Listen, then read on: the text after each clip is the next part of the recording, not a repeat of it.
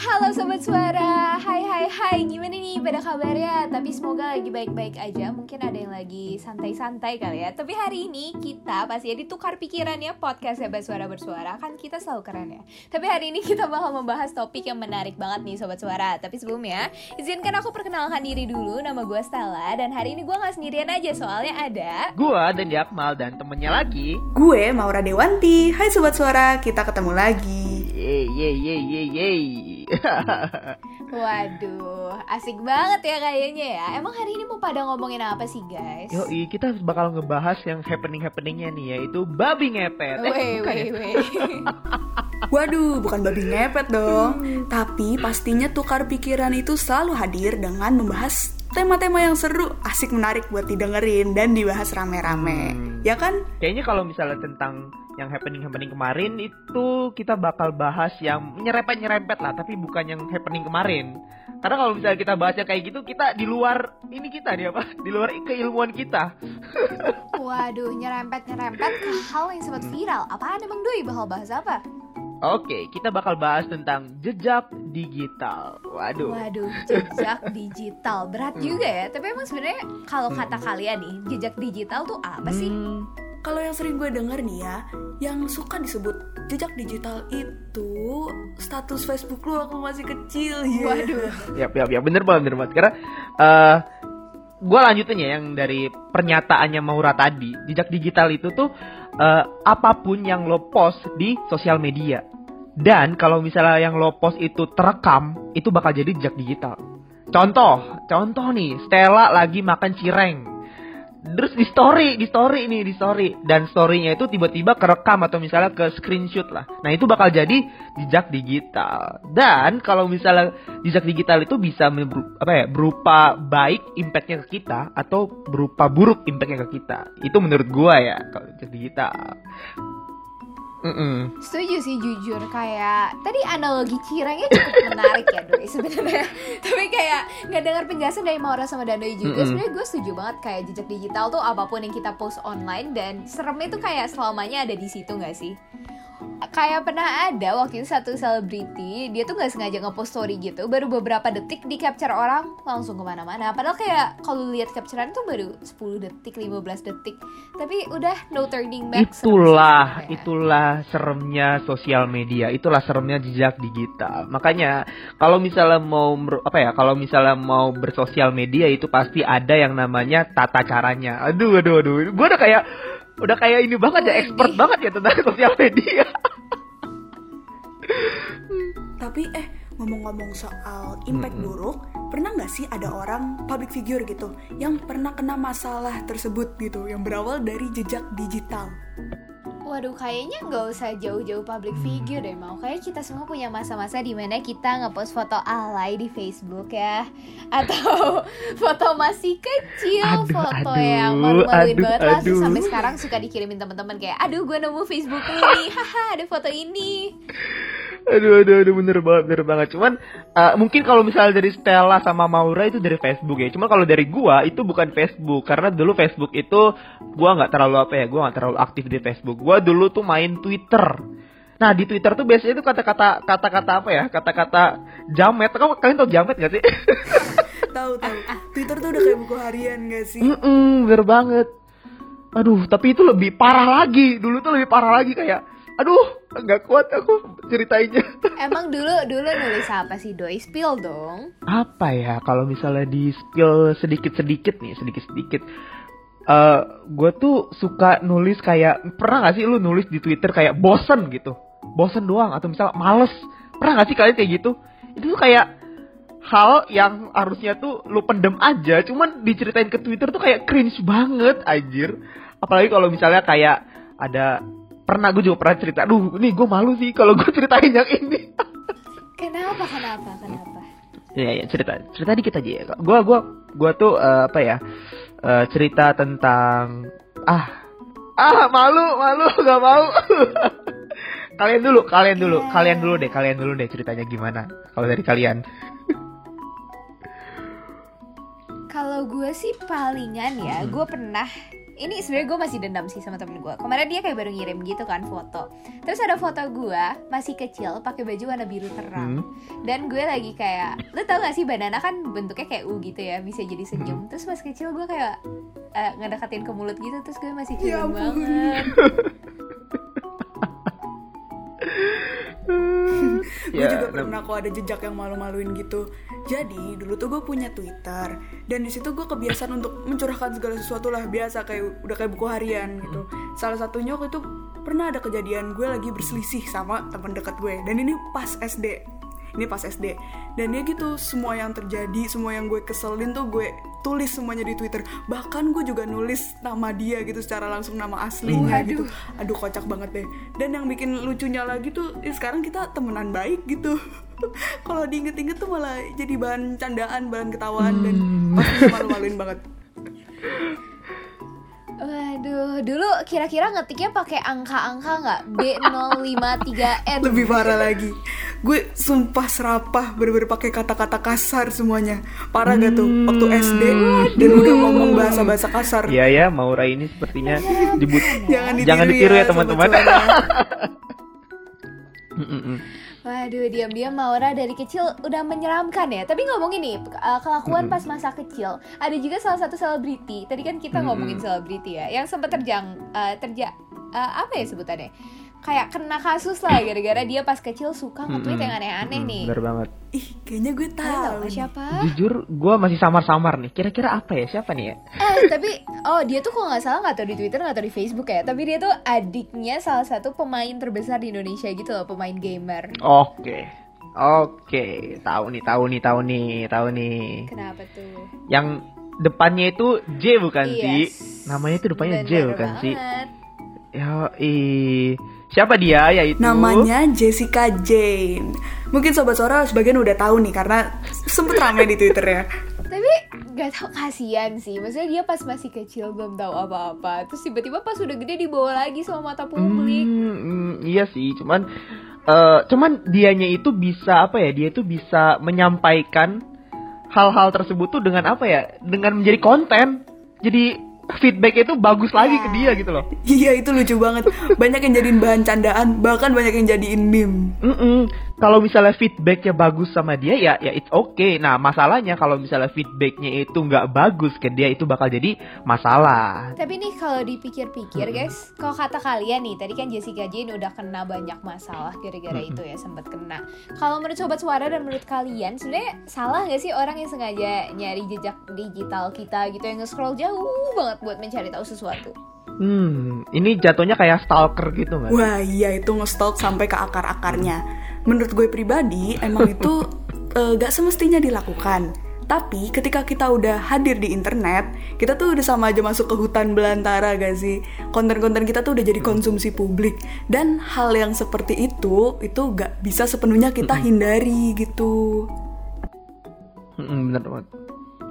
Mm, bener banget, bener banget. Karena kalau misalnya lo udah terjun ke dunia internet, lo tuh harus bisa uh, menghadapi konsekuensinya. Misal kalau misalnya lo ngepost sesuatu nih, nah lo tuh harus tahu konsekuensinya lo ngepost itu tuh apa. Seperti gua nih, gua kan kemarin ngepost apa ya, ngepost di Instagram tentang gua nge-rap. Nah, dan gua nge-rap itu gua nggak ada nge-rapnya, nggak ada nge-rap-rapnya sama sekali. Gue cuman nge-rap, cuman lagunya doang yang ada. Dan ternyata isinya komentarnya itu ya ya hujatan terus kayak umpatan makian cacian ya tapi karena gua sadar gua tahu kalau misalnya konsekuensinya kayak gitu ya ya gua eh, let it go aja kayak low key aja gitu santai aja gitu. Karena gua udah tahu konsekuensinya apa. Masalahnya kalau misalnya orang-orang yang ngepost dan nggak tahu konsekuensinya itu yang bakal jadi masalah. Misalnya Stella lagi nih Stella ngepost makan cireng. Terus tiba-tiba ada uh, front pembela anti cireng misal gitu ya. Misal seperti itu. Gimana gimana? seperti itu. Nah dan ternyata front pembela anti cireng ini tuh mereka itu nggak suka ngelihat Stella itu makan cireng. Dan dia tuh akhirnya ngetik hal-hal yang apa ya hal-hal yang buruk di kolom komentar Stella. Dan Stella ternyata kena mental breakdown gara-gara eh, perkataan dari front pembela anti cireng. Nah kalau misalnya Stella nggak tahu hal itu akan terjadi, Stella bakal terkena apa ya? eh apa impactnya itu bakal buruk ke setelahnya bener banget nah itu yang perlu dipelajari itu yaitu uh, dampak dari kalian ngepost sesuatu di sosial medianya ini Cireng malah petaka banget ya kayak deh tadi buat salah. Waduh, tapi berarti emang uh, harus dari kitanya ya, Mm-mm. kita yang tahu apa dampak kita kalau nge-post konten tersebut baik atau enggak dan kira-kira responnya kita nggak tahu juga it's out of our control. Mm-mm. Tapi sebenarnya kalau tentang hal itu kan bisa nggak sih sebenarnya kita hindarin biar hal-hal terburuk itu nggak terjadi? kalau berdasarkan pengamatan gue nih ya, Widih. pengamatan gue udah, udah kayak profesor aja nih gue ya. Eh, Hal-hal tersebut itu bisa dihindarin. Kalau misalnya balik lagi ke perta- eh, apa pernyataan gue yang awal, kalau misalnya lo tahu konsekuensinya saat lo ngepost itu. Misalnya lo ngepost eh, sesuatu dan lo tuh tahu eh, hal tersebut ini bakal seperti ini, bakal seperti ini, bakal seperti ini dan ekspektasi lu tuh udah bakal seperti ini, bakal seperti ini, bakal seperti ini dan ternyata bener kan? Dan ya udah kalau misalnya ekspektasi lu sama dengan realita lu, lo udah tahu hal apa yang bakal lo lakukan. Kalau misalnya lo ngambil tindakannya santai aja ya santai aja bakal karena ekspektasi sama realitanya ya sama.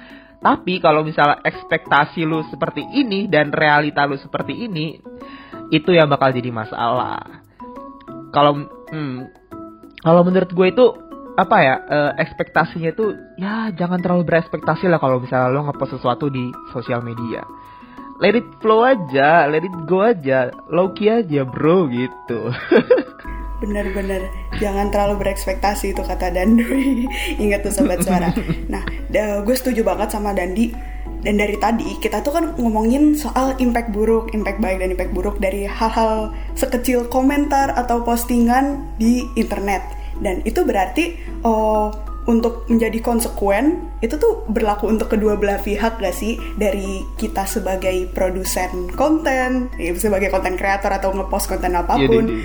uh, ataupun sebagai penikmat kontennya alias netizen netizen audiens audiens yang komen gitu. Nah makanya nih untuk sobat suara dan kita kita semua reminder hati-hati kalau mau komen sesuatu gitu. Itu bakal jadi jejak digital juga nih kita sebagai netizen ya begitu bener banget. Yes, bener banget. Tapi kadang-kadang nih ya mau doi sama sobat suara orang-orang tuh suka lupa. Mereka ingetnya mereka tuh di balik, di balik layar aman. Mereka mau ngetik apa pun tuh ngerasa ya udahlah uh, Iya anjir. HP HP gue, keyboard keyboard gue terserah gue mau ngetik apa. Dan kadang-kadang suka jahat banget gak sih? Kayak mereka nggak mikirin apa kata-kata mereka tuh bakal berdampak banget tuh ke si konten itu itu creator itu tuh sebenarnya hal yang nggak bisa kita atur makanya yang kita bisa atur adalah konten kita sebenarnya ya kan konten kita di sosial media yang kita bisa atur omongan netizen tuh ya ya kita nggak bisa atur omongan netizen tuh bakal seperti apa tapi yang kita bisa atur adalah konten kita konten yang kita upload ke sosial media itu Bener itu. Dan ada baiknya juga mulai sekarang kita berubah gak sih? Dan gak ada salahnya ngingetin orang-orang di sekitar kita untuk bijak dalam Yap. memakai internet gitu. Yes, bener banget. Tapi kan berarti ini nih guys, kalau yang tadi itu buat ngehindarin. Tapi kalau menurut kalian kalau uh, sudah dilakukan nih, sudah terjadi ekspektasi dan realita dia tuh nggak sama, terus dia harus gimana dong sekarang sebagai content creator dan sebagai netizen ya? Hmm. Itu kalau menurut gua ya, kalau misalnya lo ngupload sesuatu dan ekspektasi lo misalnya eh like-nya bakal tinggi, likes-nya bakal tinggi. Tapi ternyata realitanya likes-nya cuman eh, nggak nyampe seribu misalnya seperti itu. Ya menurut gua ya udah nggak apa-apa, jadiin pelajaran, jadiin pelajaran terus buat lagi konten yang serupa atau misalnya konten yang ba- lebih bagus lagi dari konten sebelumnya. nggak apa-apa, jadiin pelajaran aja gua akhir-akhir ini mempelajari tentang aduh ini gua kayak berat banget ya bahasanya gua gua akhir-akhir ini mempelajari tentang filosofi stoikism stoikism. Gua gua gua gua agak lupa namanya tapi namanya filosofi stoikism kalau nggak salah ya. Nah di di situ tuh eh, menjelaskan bahwa lo eh, lebih baik mempunyai ekspektasi yang lebih rendah daripada realita lo. Yes, karena kalau misalnya ekspektasi lo lebih rendah daripada real- realita lo, lo dapat realita lo itu, lo nggak bakal apa ya, lo nggak bakal kecewa dengan ekspektasi yang udah lo set serendah mungkin. Nah, dan lo bisa mendapatkan misalnya ekspektasi lo rendah banget, ternyata ekspektasi yang eh realita yang ada, ekspektasi tinggi banget nih. realitanya ternyata dapatnya tinggi banget. Lo bakal seneng, ya nggak sih? Misalnya gini, Stella, Stella ngepost makan cireng nih, makan cireng. Ekspektasi Stella, Stella bakal dihujat sama front pembela anti cireng, seperti itu kan? Berasa Ternyata kuliah. di Ayo sosial lanjut. medianya itu nggak ada sama sekali komentar Waduh. negatif tentang ci- eh, Stella makan cireng. Alhasil Stella bakal seneng dong karena ekspektasi dia tidak apa ya ekspektasi dia itu eh, lebih rendah daripada realitanya dan ekspektasi eh realitanya tersebut bakal menjadi hal yang menyenangkan bagi Stella. Contoh lagi, contoh lagi ya biar kalian biar kalian bisa lebih memahami lagi nih. Misalnya Maura, Maura makan cireng nih. Ini ada masalah apa ya gue sama cireng nih, gue bingung deh. Dari tadi kita berkutat di cireng terus ya kan? Iya. Kayaknya Dani lagi lapar nih. Misalnya Maura makan cireng. Terus Maura ini eh, ada orang yang nggak suka sama Maura. Ma- dia tuh nggak ngomentarin tentang cirengnya tapi lebih komentarin ke Mauranya. Mauranya itu misalnya, ah masa makan cirengnya tidak seperti orang-orang kebanyakan sih. Misalnya Maura makan cirengnya sambil kayang, misalnya ya Maura, misalnya nih. misalnya dan Maura itu sudah mengset ekspektasinya tuh lebih rendah. Misalnya ah nih gue bakal dihujat nih. Gue bakal tahu konsekuensinya nih. Gue bakal lebih eh, bakal dikomentarin nih cara makan gue tentang makan cireng nih. Dan ternyata beneran dong beneran dong ada orang yang set ada yang orang yang menghujat tentang Maura makan cirengnya Maura nggak bakal kaget dong karena ekspektasi Iya Maura benar tuh itu terpenuhi haters Bener nggak? hate gitu ya harus diingat. Heeh. Bener banget karena kalau bisa lalu eh, menurut gua eh, menurut filosofi Stoicism ini ekspektasi itu harus lebih rendah daripada realita lo. Jadi lo harus bisa nge-set ekspektasi lo serendah mungkin agar lo mendapatkan hal yang lebih baik ke depannya. Bener. Itu sih Bisa gua. diterapin. Buset, buset, buset. Jujur, tapi menarik banget. Tapi gue jadi pengen nanya deh, apa bedanya berekspektasi rendah dengan Yap, negatif bener banget. Ini adalah hal-hal yang eh, nyerempet sih, nyerempet-nyerempet. Cuman eh, bisa dibilang ini berbeda banget. Karena kalau misalnya lo nggak ekspektasi yang rendah, itu di pikiran lo, di pikiran lo adalah lo udah tahu konsekuensinya, ngerti gak? Bukan artinya lo pesimis. Kalau misalnya pesimis, misalnya eh, lo ngerjain, eh, misalnya lo ngerjain soal nih, ngerjain soal dan lo eh, cuman bisa ngerjain 50 atau misalnya eh, 40 dari 100 dan lo ekspektasi lo ekspektasi lo tuh nggak bakal lulus. Misalnya nggak bakal lulus nih. Lo nggak bakal lulus. Nah lo bakal cari misalnya lo SBMPTN ya SBMPTN terus nilai lo tuh lo cuma bisa ngerjain 40 dari 100 nah lo nggak bakal lulus nah eh, karena ekspektasi lo nggak bakal lulus lo bakal cari jalan buat apa cara lain untuk mendapatkan universitas seperti itu kalau pesimis, lo misalnya dapat 40 nih, dapat 40 dari 100 soal SBMPTN. Pesimis nih, ah udah gua nggak bakal dapat. Ya udah lo bakal stuck aja di sana. Lo nggak bakal cari jalan yang lain dari cara lo untuk mendapatkan eh, kuliah atau misalnya untuk mendapatkan universitas impian lo. Itu bedanya pesimis dan ekspektasi rendah. Hmm, jadi gitu ya bedanya. Kalau pesimis dan negative thinking itu menghalangi lu untuk Mm-mm. melangkah. Bener banget, bener banget. Jadi ya inilah eh kita balik lagi ya ke netizen nih ya kita balik lagi ke netizen. Jadi ya lo harus tahu konsekuensinya kalau misalnya lo ngepost sesuatu dan kalau misalnya ada omongan netizen lo apa nggak enak ya udah biarin aja karena ekspektasi eh, menurut gua ekspektasi lo tuh direndahin aja nggak usah terlalu berharap-harap tinggi lah Oke, Gitu. berarti ekspektasi rendah itu sesuai dengan realita kita juga ya apa yang udah kita lakuin akan sesuai dengan hasilnya atau enggak. Jadi kita berekspektasinya ya udah nggak usah tinggi tinggi amat, tapi sesuai Mm-mm. dengan apa yang kita lakukan ya do ya. yo ih bener banget anjay Asik. Dan sobat suara juga harus bisa ngebedain antara berekspektasi secukupnya dan ekspektasi yang um, berlebihan atau negative thinking karena itu benar-benar beda banget dan negative thinking justru harus kita hindarin ya nggak sih? Yap, Tapi bener banget Hari ini topik pembahasannya menarik banget sih guys sebenarnya jejak digital. Kalau dari kalian ada kata-kata terakhir nggak nih yang mau diucapkan? Hmm, kalau dari gue nih ya, dari obrolan kita bertiga hari ini, gue belajar pentingnya untuk menjadi konsekuen dalam bermedia sosial. Dan bagian dari menjadi konsekuen itu adalah yang menghandle semuanya dengan baik, ya bertanggung jawab lah gitu. Dan salah satu cara untuk bertanggung jawab tuh gimana sih? Kayak kita selalu belajar dari kesalahan. Nah itu kuncinya tuh. Ke- Gak pernah ada kata telat untuk Yap. belajar dan ya gak pernah ada kata berhenti untuk belajar. Ya soalnya internet itu kadang menjadi tempat yang menakutkan banget gak sih? Jadi kita hanya yang harus nyiapin mental. Yap, gue setuju. Kalau misalnya kata-kata closing gue nih ya, ya ya udahlah, lo nggak usah om apa nggak usah pikirin apa pun yang lo upload di sosial media. Ya udah, biarin aja. Kalau misalnya hal apa pun yang terjadi dengan postingan lo, ya ya udah, asalkan lo tahu konsekuensinya, gitu. Gitu aja sih kalau gue. Asik. Oke, mau ngucapin juga thank you banget nih buat Dandoy Maura sama kita semua yang udah ngobrol-ngobrol bareng dan buat sobat suara yang udah setia dengerin pastinya. Em, tukar pikiran kali ini sangat menarik dan pastinya bakal terus menarik ya. Udah beberapa episode Yap. juga yang keluar, ada juga episode-episode lain dari program lain di em, Baswara Bersuara dan pastinya harus dicek ya nggak sih? Yap, bener banget. Jadi jangan lupa dengerin terus podcast ini di Spotify, podcast Bersuara Bersuara. Jangan lupa untuk pantengin terus ya. Dadah sobat suara. Goodbye, thank you. Dadah Sobat Suara, makasih udah dengerin.